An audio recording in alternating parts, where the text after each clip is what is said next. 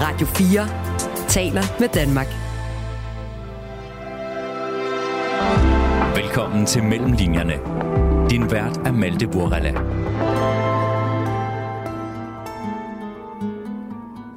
Med mine to andre bøger har jeg ligesom været rigtig glad for at være i den her lille minimalistiske boble, hvor man skriver så lidt som muligt. Men sagen er den, der er absolut intet minimalistisk over Cairo. Der skulle 89 gennemskrivninger til, før Martha Flyvholm Tode var i mål med sin tredje bog, Støj, Storm, Støv. En dannelsesroman på godt 300 sider om en ung studerende kvindes møde med den egyptiske hovedstad. Altså når man kommer til Cairo, så øh, er det en meget fysisk oplevelse, fordi at der er så meget forurening, at man ligesom kan mærke, hvordan at ens hud bliver dårligere. Man kan ligesom mærke det i halsen og i sine lunger, at, man nærmest, altså, at det er svært at trække vejret. Martha Flyvholm Tode rejste selv til Cairo for fem år siden på det, der skulle have været et kortere udvekslingsophold, men endte med at blive der i tre år. Jeg har haft sådan en følelse af, sådan, åh, jeg har så meget viden om Cairo, det vil jeg rigtig gerne pakke ind i min bog, men har ligesom blevet ved med at prøve at minde mig selv om, at det her det er ikke en bog om Cairo, det er en bog, som foregår i Cairo. Og selvom det er fiktion, stod det alligevel klart for Martha Flyvholm Tode med det samme, hun satte benene i byen, at Cairo skulle danne rammen om hendes kommende roman. Jeg kan huske, at jeg gik rundt de første par dage, hvor jeg var i Cairo og tænkte, okay, det her det er en sindssyg by. Der øh, er simpelthen for mange historier her til, at øh, de vil være ærgerligt ikke at skrive om det. Jeg hedder Malte Vorela. Velkommen til Mellemlinjerne.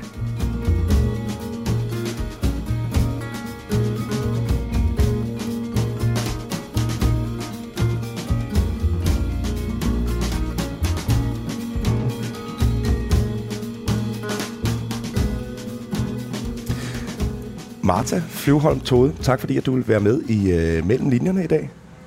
Øh, vi skal tale om din nye bog, Støj, Storm, Støv. Øh, men inden vi kommer dertil, øh, skal vi måske lige fortælle lytterne, hvor vi sidder. Øh, hvor er vi? Øh, vi sidder på øh, en café, der hedder Props i øh, København. Den ligger på Nørrebro. Øh, og jeg har kommet her rigtig meget i mit liv. Ja, og det er jeg faktisk også, fordi at øh, nogle gange så er man så heldig, at man ikke skal bevæge sig så langt for at, øh, at lave sådan et interview, der foregår ude i byen. Jeg bor lige lidt nede ad gaden, så jeg kommer her også øh, i hvert fald et par gange om måneden. Øh, men, men, men hvorfor var det lige her, øh, du valgte? Ja, altså man kan sige, at øh, det korte svar er, fordi at øh, ja, jeg er kommet her meget, og det er stadig, jeg føler mig tryg.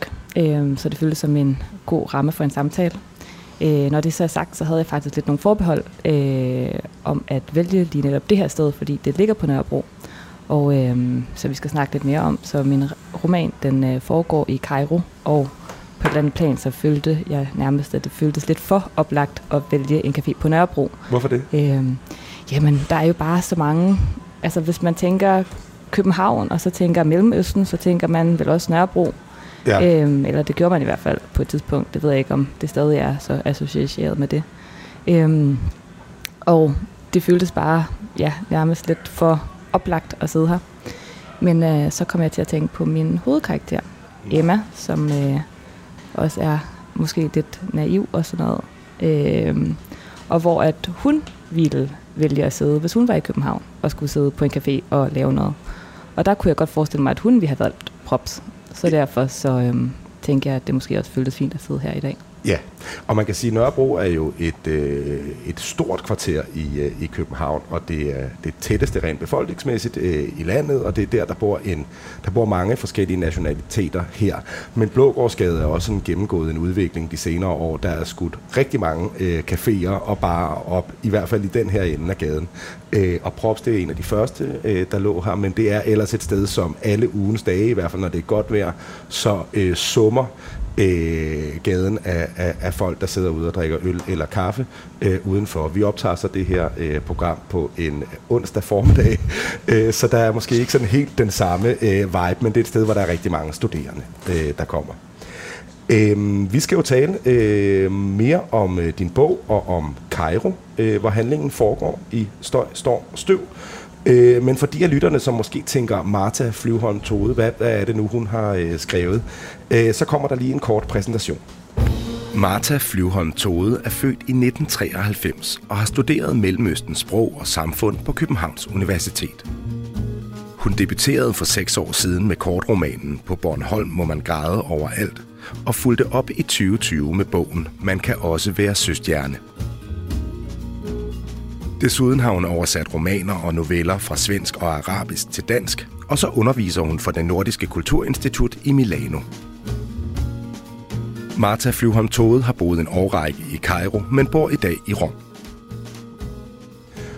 Og nu sidder du så her i København aktuelt med Støj, Storm, øh, Støv. Og romanen foregår i Ægyptens hovedstad Kairo, som jeg sagde.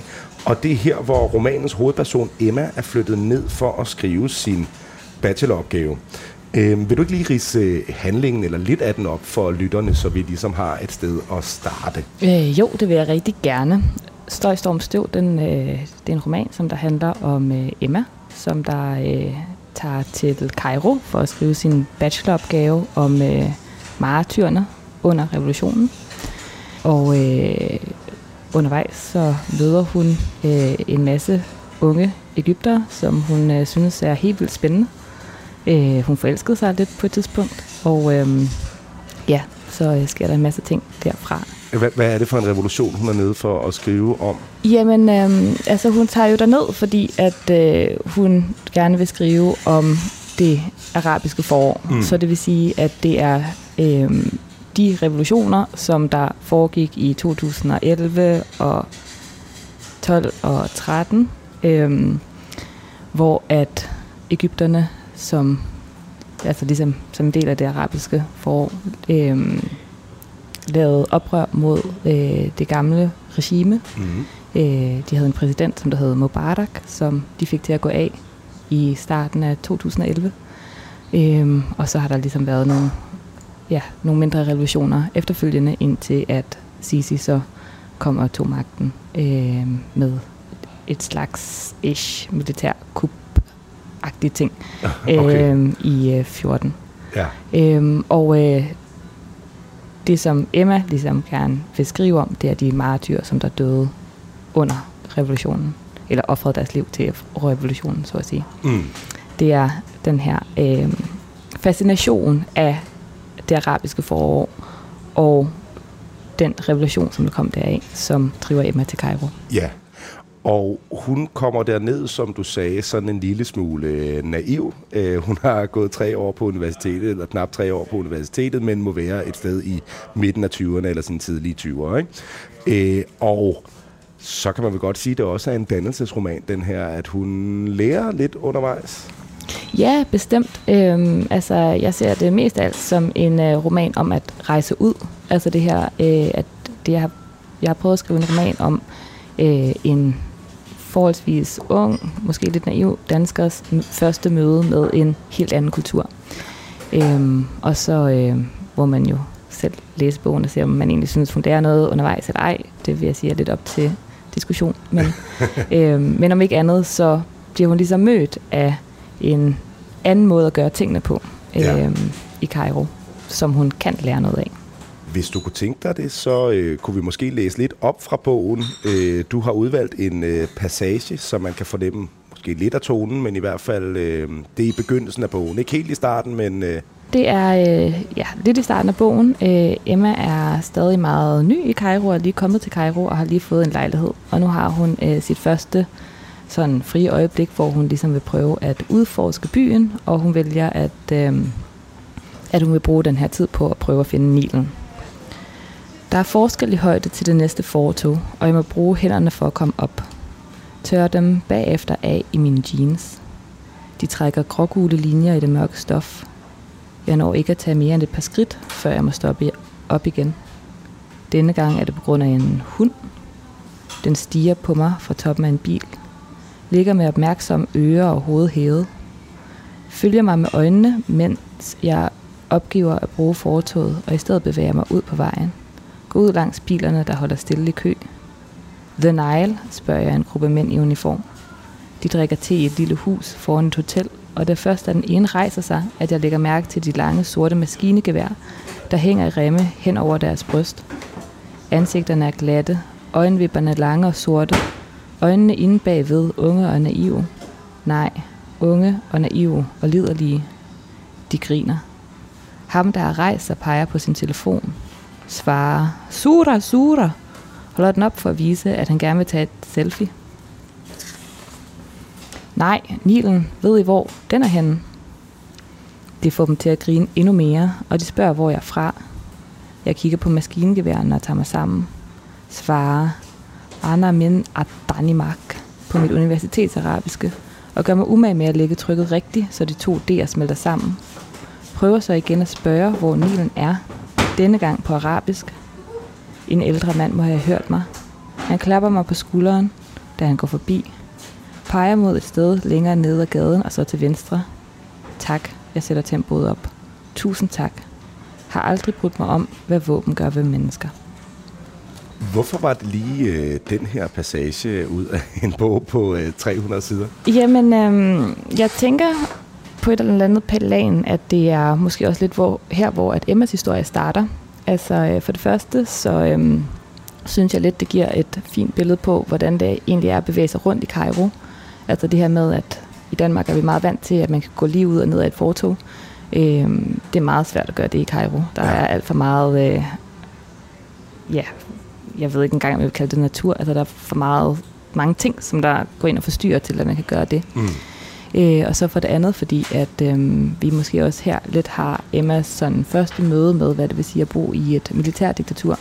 Altså det her med, at Emma som dansker øh, tænker, at folk i uniform er nogen, som der er der for at hjælpe, Ja. øh, og som man kan gå hen til og bede om vej og bede om hjælp, øh, og ligesom bare oplever, at de står lidt og griner, fordi hun øh, ja, er hvid og kvinde, og de måske ikke rigtig forstår, hvad hun siger. Mm. Og, øh, og så de her store maskinegevær, som der hænger hen over halsen på dem, at øh, det er jo også, altså det her med våben, altså det er jo bare noget, som vi ikke rigtig er vant til at se i gadebilledet i Ja. Danmark.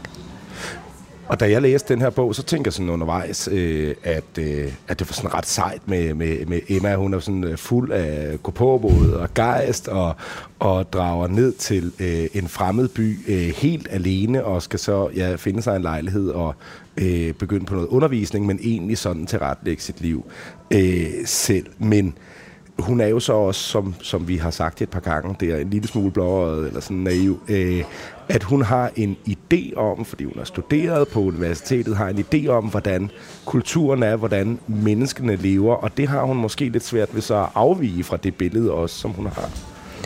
Ja, øh, det vil jeg bestemt mene, at hun har. øh, og det tror jeg egentlig måske også faktisk ligger lidt i vores natur. Ja. Altså det her med, at øhm, altså, så har man måske brugt 20 år af sit liv på at tænke, sådan her er jeg, sådan her skal jeg være i verden. Øhm, og måske ikke ligesom har sat spørgsmålstegn ved, at man også kan være i verden på en anden måde. Øhm, før man så står i en situation, hvor folk er i verden på en lidt anden måde end en selv. Ja. Øhm, og så ligesom bliver nødt til at prøve at reagere på det.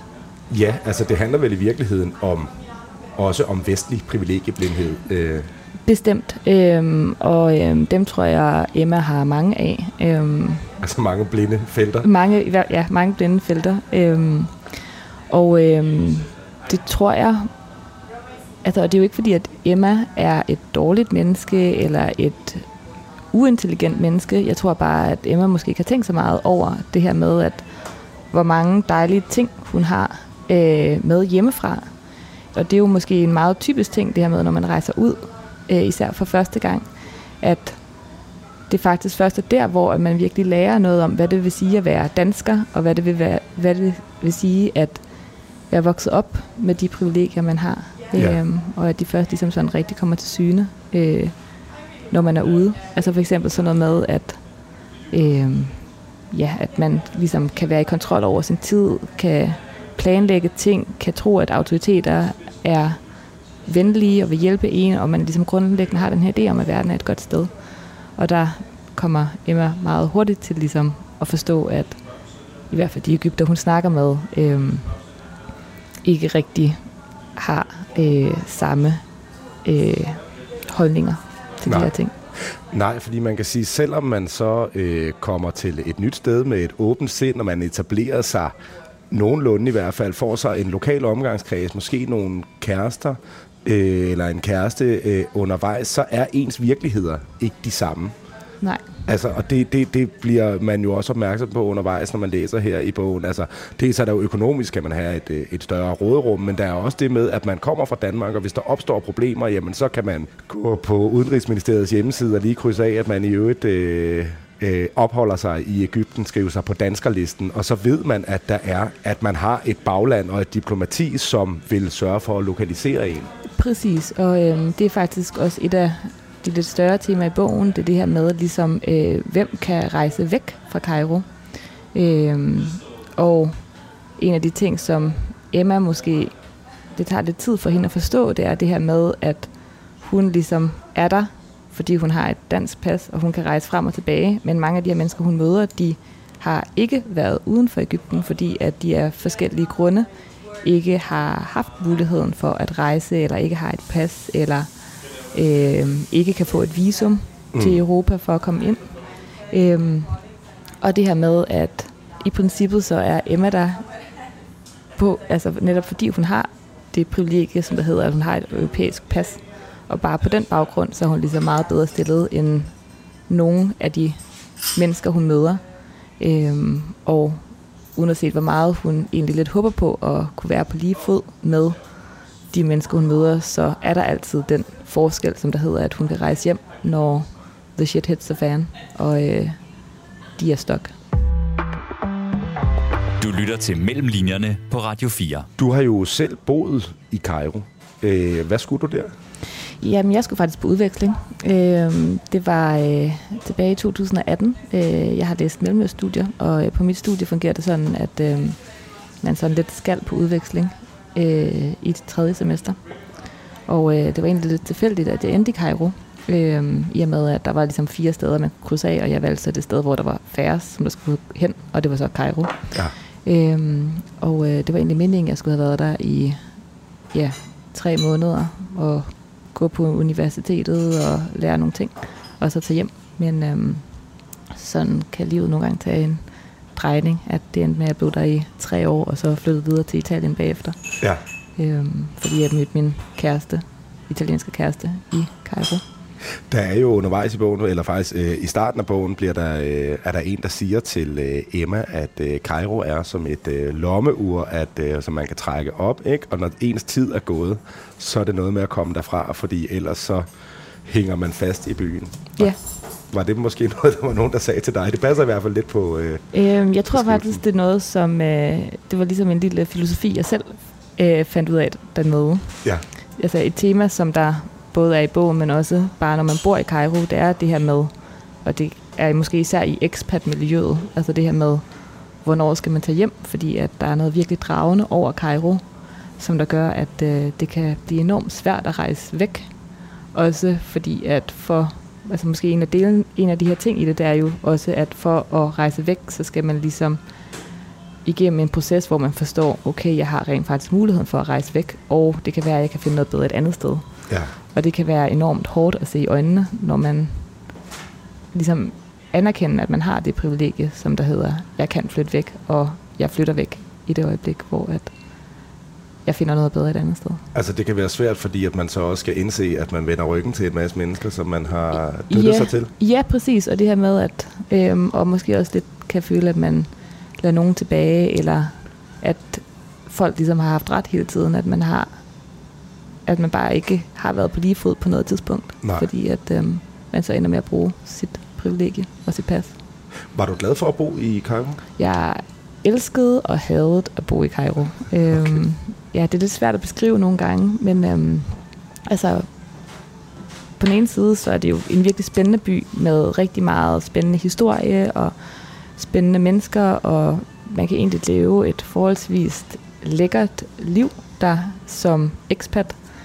Øhm, og der sker ligesom hele tiden noget, og folk er meget mere sociale, end de er i Danmark, og, øhm, og meget mere spontane, og så tager man på bar, og man tager på café, og man kommer med til alle de fede øh, kunstudstillinger, og Ja. kan nogle gange også komme med til nogle fester på nogle ambassader og sådan noget, så man kan leve et virkelig fedt liv der. Øh, og samtidig så er det også bare et lidt hårdt liv, fordi at der ligesom også bare er noget i, altså hvordan byen er som sådan, som der, øh, altså som jeg sådan personligt lidt tror, øh, nedbryder mennesker. Øh, altså det her med, at det, altså når man kommer til Cairo, Ja. så øh, er det en meget fysisk oplevelse, fordi at der er så meget forurening, at man ligesom kan mærke, hvordan at ens hud bliver dårligere. Man kan ligesom mærke det i halsen og i sine lunger, at, man nærm- altså, at det er svært at trække vejret. Øhm, men jeg kan huske første gang, jeg kom tilbage til Danmark, så troede jeg nærmest, at jeg havde fået tinnitus, fordi der var så stille, Mm. at jeg ligesom blev ved med at sådan at prikke mig selv på øret, fordi at jeg ikke kunne forstå, hvor alle lydene var blevet af. Og det var bare fordi, at baggrundsstøjen var væk. Så, altså sådan, så det er også en by, som der øh, kræver meget af de mennesker, der er der. Ja. Øhm, Øh, og nu sidder vi jo og taler om dig og om Cairo, og vi taler om øh, romanens hovedkarakter, Emma, som også har studeret øh, og, og tager til Cairo. Men det er jo fiktion, det her.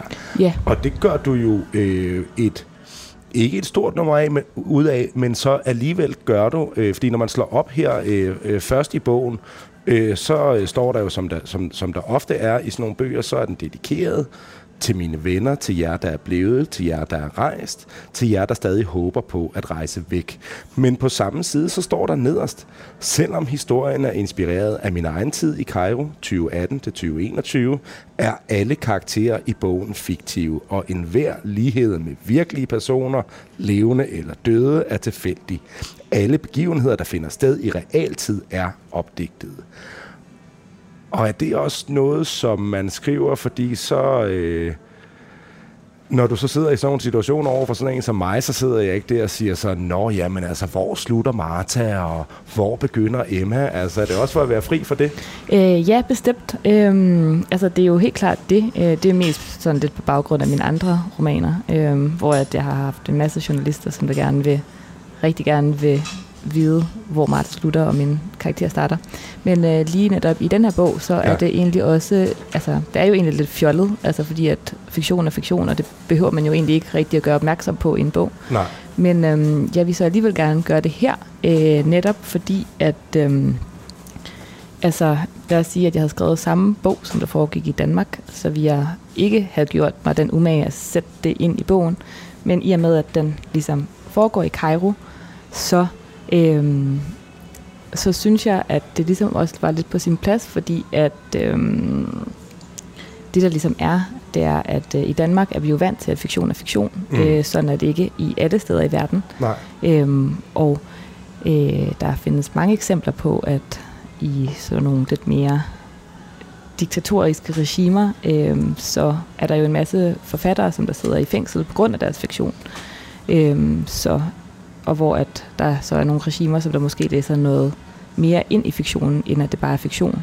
Ja. Så er det egentlig også lidt bare en anmærkning til det, at ligesom gerne vil vi understrege, at okay, vi bor i Danmark, og der er fiktion fiktion, men, øhm, men sådan er det altså ikke alle steder i verden. Radio 4 taler med Danmark. Du lytter til Mellem Linjerne på Radio 4, og jeg taler med Martha Flyvholm Tode om hendes nye roman, Støj, Storm, Støv. Hvornår vidste du, at det var den her bog, du ville skrive? Jamen, øh, det vidste jeg faktisk allerede lige fra da, de første par måneder, hvor jeg boede i Cairo. Øh, jeg begyndte sådan ikke rigtig at skrive på den, sådan til efter, eller jeg begyndte først for alvor at skrive på den, efter jeg flyttede fra Cairo, fordi at, øh, jeg havde brug for at få lidt distance til materialet. Men øh, jeg kan huske, at jeg gik rundt de første par dage, hvor jeg var i Cairo og tænkte, okay, det her det er en sindssyg by. Der øh, er simpelthen for mange historier her til, at øh, det vil være ærgerligt ikke at skrive om det. Ja. Okay. Og hvordan har du øh, grebet det an? Det her program hedder jo Mellem Linjerne, så vi taler jo ofte også om, om research og alt det, der går forud. Altså, hvordan har du researchet? Var det tilstrækkeligt bare at, at bo der? Altså det at bo der, det gav jo rigtig meget. Altså mest af alt i forhold til, at øhm, bare sådan nogle ting med ligesom at vide, hvordan ting ser ud, Ja. øh, hvordan ting lugter, hvordan ting foregår osv. Så, så hele alt det, som der ligesom hedder miljøbeskrivelser, øh, det vil jeg sige, det var, øh, altså der var det virkelig godt, at jeg havde boet der, i så, boet der så længe. Øhm, når det så kom til selve det her med at skrive historien, øhm, så øh, har jeg så ud over selv at have snakket med en masse mennesker og øh, været i en masse samtaler med folk, så har jeg så også læst en masse øh, artikler om, altså om Cairo og om revolutionen og om postrevolutionstiden. Ja. Øh, jeg har læst en masse fiktion, øh, både ja, især egyptiske forfattere, også lidt om emnet, både noget, som der har været virkelig meget fiktion, og noget, som der har været lidt tættere på virkeligheden. Øh, så jeg har ligesom bare prøvet at suge alt til mig, og så øh, på et eller andet tidspunkt, så sætte mig ned og prøve at forme nogle historier, som der, altså ud fra min egen fantasi, som der ligesom kunne føles virkelige. Øh, ja, altså uden at være det selvfølgelig. Men det vil sige sådan noget som ja, politiske forhold og så videre, det har du øh, øh, ja, kunne læse op på, og også for at skrive med en eller anden form for, for autoritet eller, eller, eller, eller sikkerhed. Øh. Ja, altså det, øh, altså det er jo også meget noget, som jeg har fået gennem mit studie. Ja, altså klart. jeg har jo en bachelor i Mellemøststudier, og det man laver der, det er jo meget, at man læser om Mellemøstens historie og islam som religion og øh, arabisk litteratur og sådan nogle ting. Ja. Øhm, og der har jeg så bare været god til at skrive mine opgaver om Ægypten. Så på den måde, så ligesom allerede fra gennem mine studier, ligesom at få, nogle, få noget viden ind der. Ja.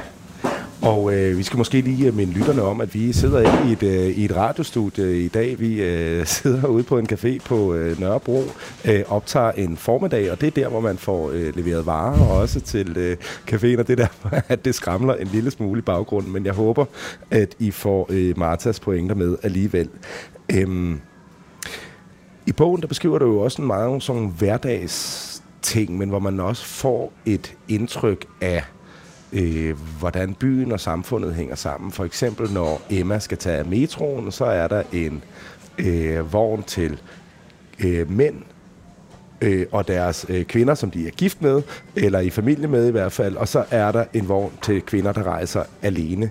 Øh, også, og jeg tænker, det er også nogle ting, du må have stusset over, da du var der selv. Ja, bestemt. Øhm, altså, det er jo lidt Emmas læsning. Ja. Øhm, altså det her med, at der er en vogn til mænd og kvinder, og- eller ja, at, til mænd og deres kvinder, og så til kvinder. Øh, jeg tror måske generelt, så er det lidt mere åbent, at det er til, der er en vogn til mænd og kvinder, og en vogn til kvinder. Øh, men ja, men altså, det var sådan en ting, som jeg selv var altså, virkelig stusset over, da jeg først kom til Cairo, og også ligesom havde en masse samtaler med mine ekspat-venner om sådan, åh oh, nej, hvilken vogn skal jeg tage, Mm. og hvilke signaler sender jeg ved at stille mig ind i kvindevognen, og hvilke vogn, altså, hvad gør jeg ved at stille mig ind i mande- og kvindevognen, og hvor placerer man sig, sig selv henne på de her øh, altså spektre af øh, på den ene side måske gerne at vi være et forbillede for kvindefrigørelse, og på den anden side måske også skulle vise solidaritet, og måske bare blive sat i en helt anden boks. Mm. Har du måttet tage nogle sådan forholdsregler, lyder så, øh, så, så bestemt på en eller anden måde, men er der alligevel noget, du har måttet holde dig, holde dig for øje i løbet af din øh, research her? Mm. Noget, du skulle minde dig selv om?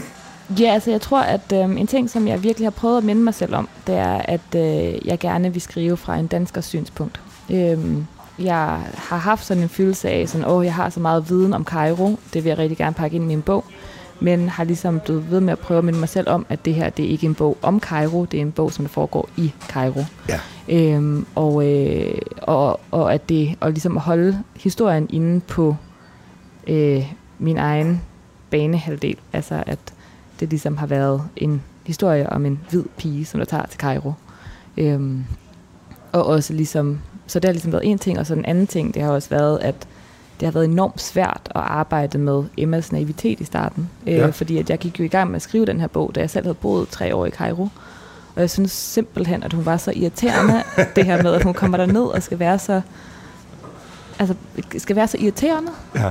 og skal ligesom lægge mærke til, at folk har nogle mærkelige mærker i panden, altså sådan, og ligesom gå rundt og stusse over det og spørge ind til det, og hvor at jeg simpelthen bare har syntes, at det har været så, egentlig så kikset af hende, og samtidig så også ligesom at skulle minde mig selv om sådan, okay, jamen, altså, nu skal vi også, altså, den danske læser har ikke boet tre år i Cairo, Nej. og der bliver nødt til at være et eller andet, som Emma lægger mærke til, når hun først kommer derned. Og det er jo så sådan nogle ting, som at folk måske har nogle bidemærker i panden, eller der ligger nogle, hund, nogle bedemærker, siger ja, du? nogle bidemærker øhm, i panden.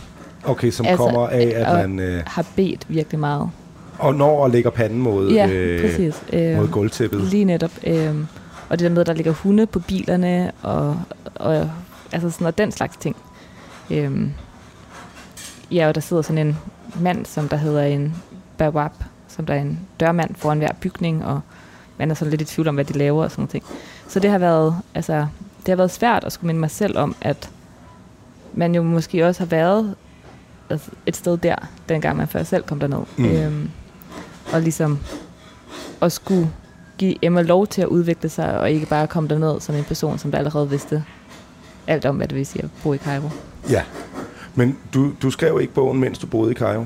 Altså, jeg skrev et meget lille, underligt udkast, øh, mens jeg boede i Cairo. Øh, men øh, kunne meget hurtigt mærke, at det ikke rigtig fungerede. Øh, så jeg tog faktisk nogle af de ting ud, som der så er blevet til min, den roman, som jeg skrev i mellemtiden. Øh, og lod alt det, som du så hed Cairo, være, som jeg så gik i gang med at arbejde med igen, da ja.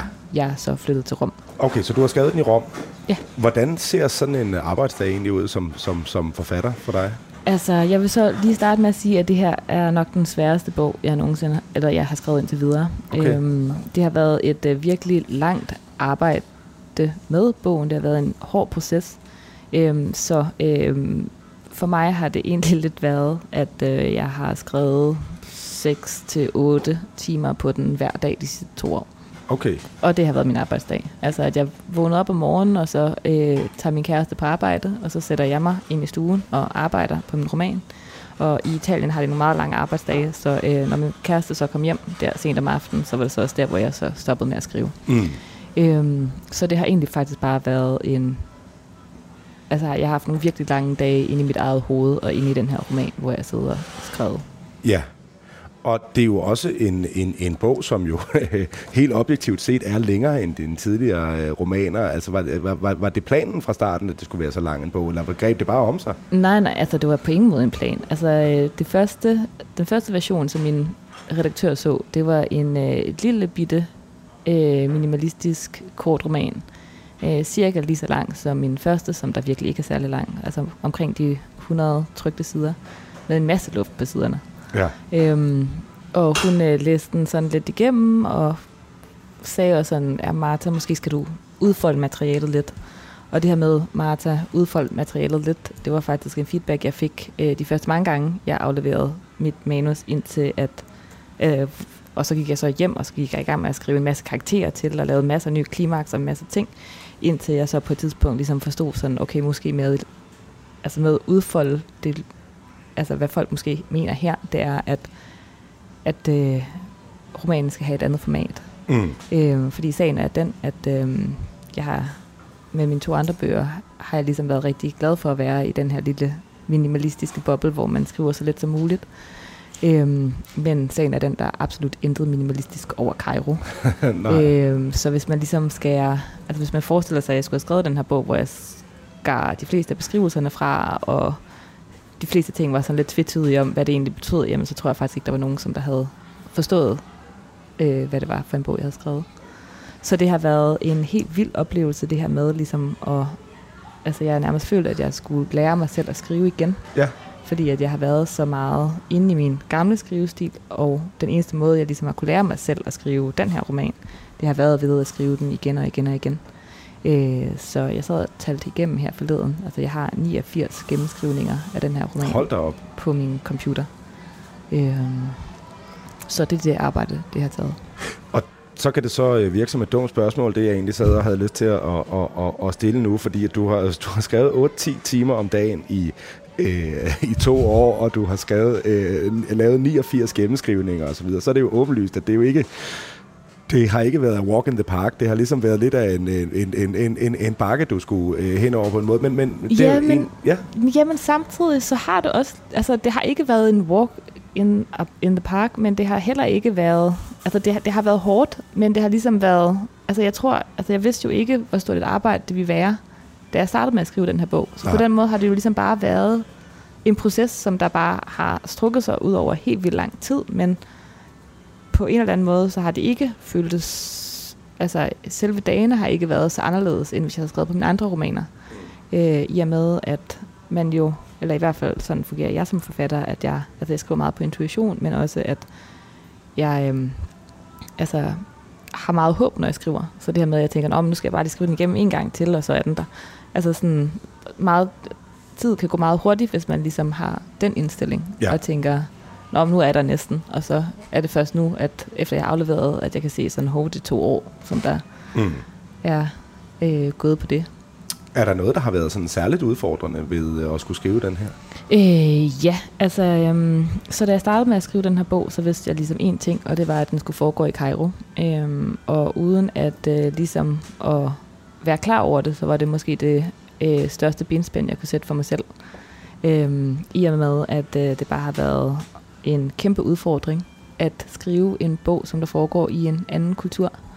Øhm, for det første, så er det jo, altså det har vi været lidt inde på, men det her med ligesom at finde ud af, okay, hvor meget skal jeg egentlig beskrive? Øhm, fordi at det føles på et eller andet, altså det kan også godt være det her, hvor jeg har mine mellemøstbriller på, og egentlig lidt er bange for, at jeg synes meget hurtigt, kan gå hen og blive lidt orientalistisk, det her med at sidde og kigge på en lidt fremmed kultur, og så skrive noget ned om, hvordan folk ser ud, eller hvordan... Orientalistisk? Orientalistisk. Ja, okay. Øh, Nå, det var ikke for at rette dig, det var egentlig for lige selv Ja. at lige uh, smage på. Altså, øhm, øh, ja, altså, at det meget hurtigt kan gå hen og blive sådan lidt hvidt menneske, kigger på øh, underlige Ægypter og skriver noget om, hvordan at man opfatter dem, og det er anderledes. Og det, altså sådan, og det er meget noget, altså, det er en fælde, som jeg har været meget bange for at falde i, fordi at jeg jo godt, altså, fordi at jeg jo ligesom alligevel føler, at jeg er mere inde i kulturen, end jeg er ude fra kulturen.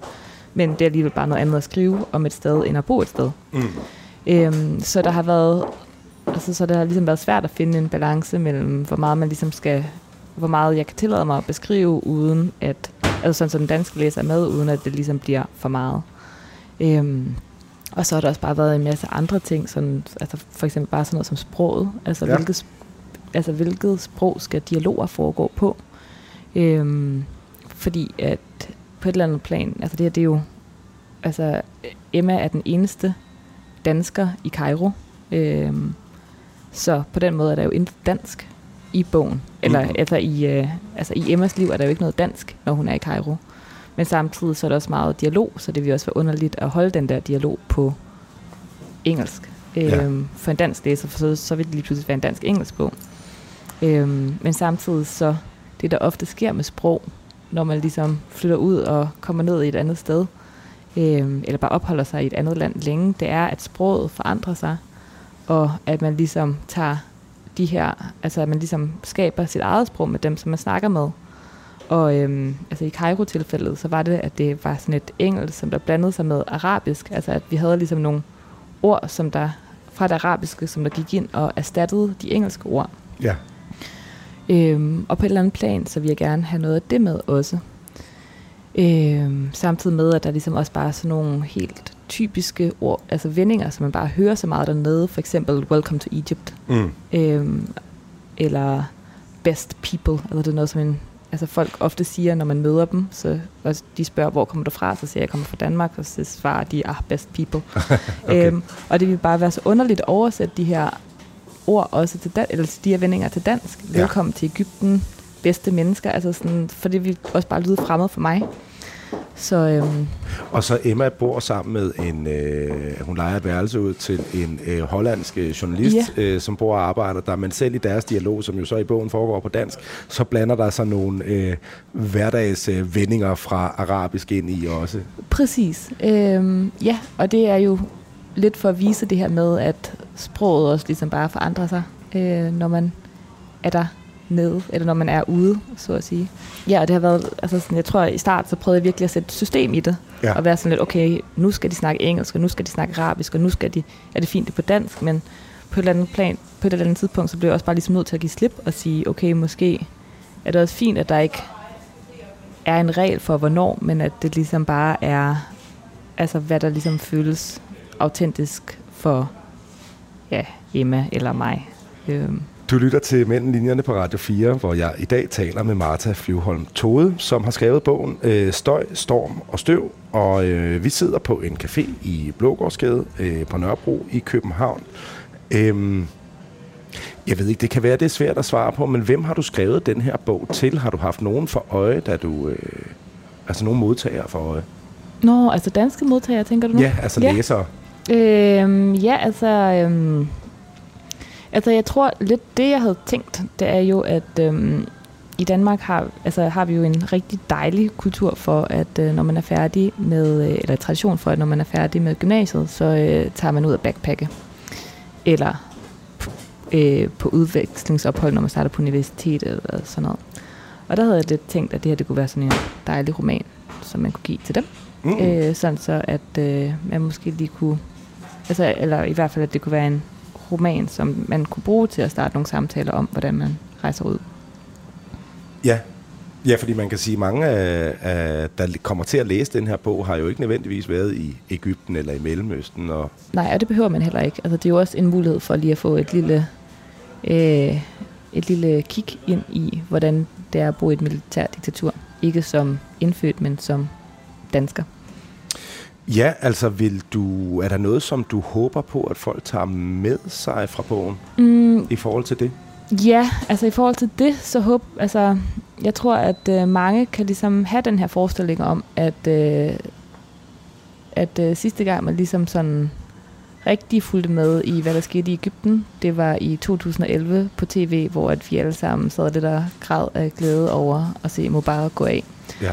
Øhm, og så tror jeg, der er mange, som der sådan lidt øh, fejlagtige tror, at øh, der måske bare er kommet et dejligt demokrati siden, og at alt er skønt og rart øh, i Cairo.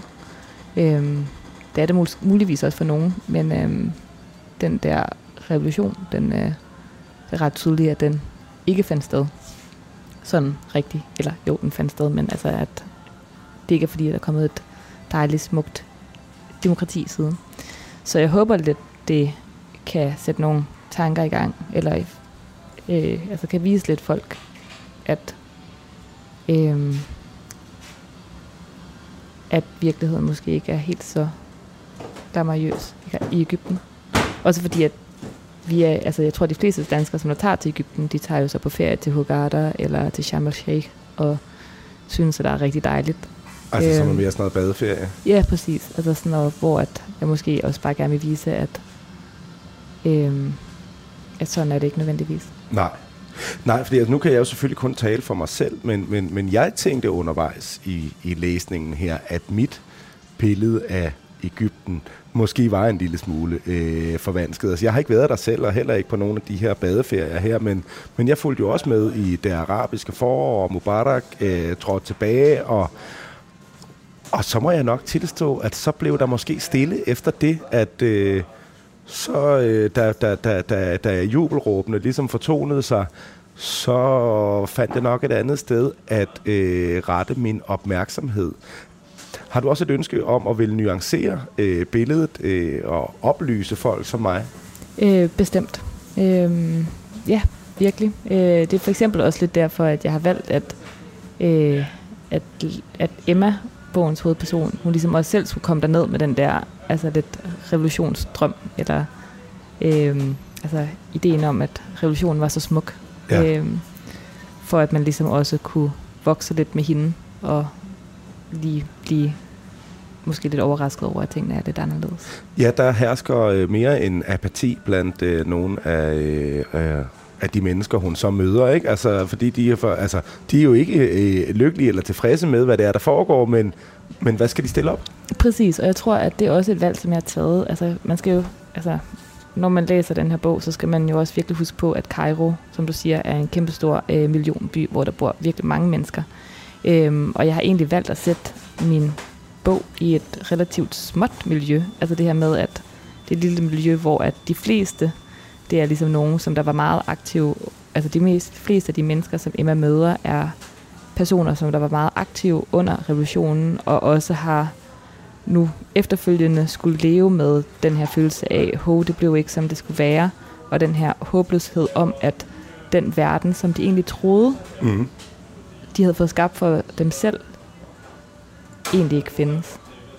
Og samtidig også kunne mærke, hvordan at ligesom deres egen lille verden, eller deres, al- ja, deres egen virkelighed ligesom sådan snører sig sammen om dem, og at de egentlig har for færre og færre muligheder, og ligesom bliver nødt til at lægge den drøm fra sig, for ligesom at kunne komme videre. Ja. Og det er så der, hvor, øh, hvor Emma kommer med alle sin, øh, sit gå på mod og Ja, danske og rigtig naivitet. mange gode idéer til, Og hvordan man bare skal kæmpe videre. Ja, hvorfor og gør I det ikke bare ja. igen? Eller hvorfor? Vi, vi gør det igen. Ja, lige netop. øhm, er også der på gaden, lad os vælte, Sisi. Altså sådan, Ja. og det er jo enormt naivt, fordi at det er jo en rigtig fin tanke. Øhm, men samtidig så er det jo også bare, at det har de jo prøvet øhm, et par gange endda, og det er jo så ikke rigtig blevet bedre, så hvorfor skulle det blive bedre nu?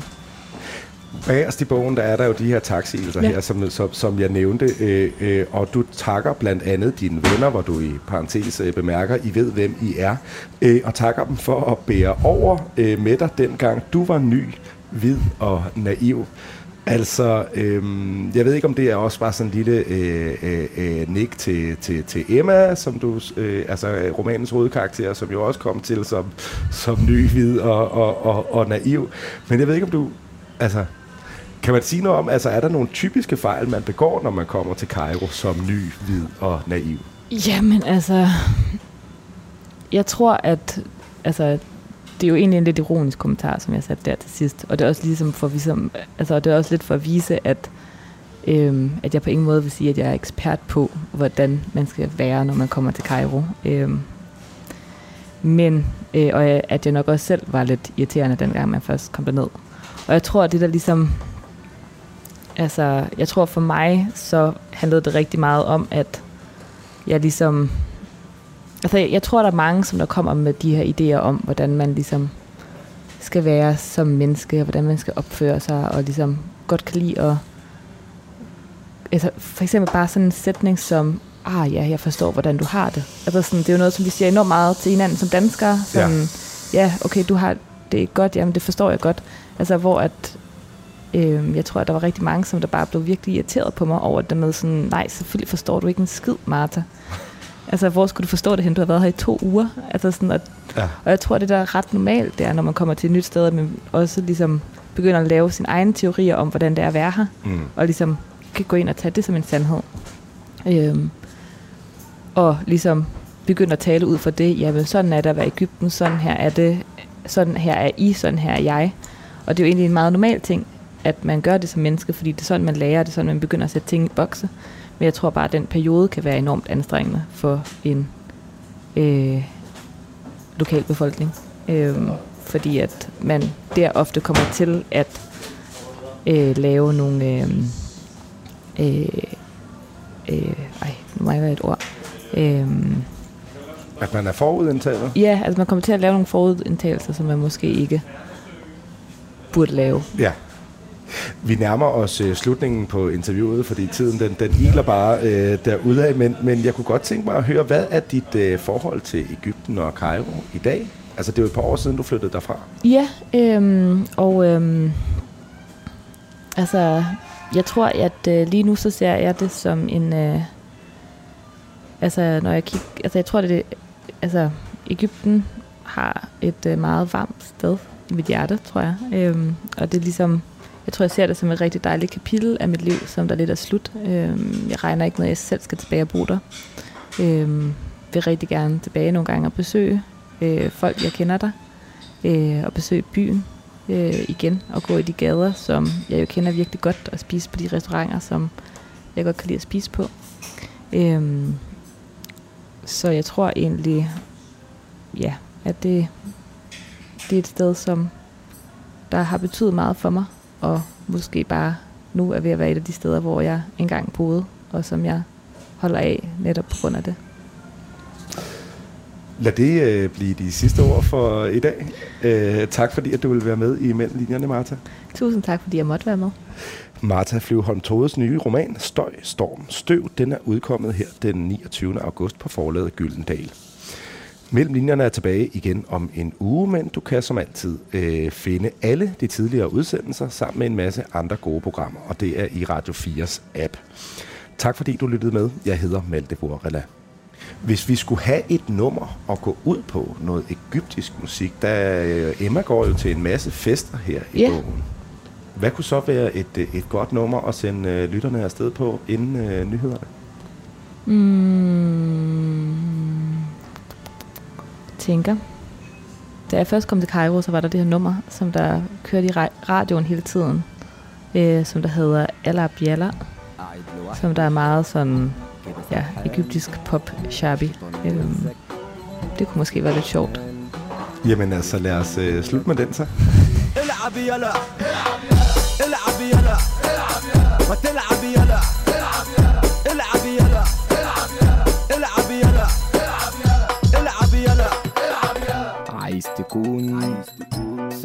مبدأ وتبطل الدراجز وتقول أنا هبدأ. يجي الشيطان يفضل يقولك اشرب يلا. العب يلع اشرب يلا. العب يلع ولع يلا. العب يلا. العب يلا. العب يلا. العب يلع العب يلع اشرب يلا. ولع يلا. كده ولعتنا. كده خربتنا. حبة فوق Musik er en hurtig genvej til at komme ind bag facaden. Hvis man skal sige essensen af, hvem er jeg, så er det de samme. Ind bag den offentlige person. De synger også irriterende godt. I Portrætalbum bruger Anders Bøtter musikken til at vise nye sider af sine gæster. Gita Nørby, Tim Christensen, Sofie Gråbøl, Anders Akker, Allan Olsen. Både dem, du er fan af, og dem, du ikke troede, du havde noget til fælles med. Velkommen til Portrætalbum. Lyt til Portrætalbum i Radio 4's app, eller der, hvor du lytter til podcast.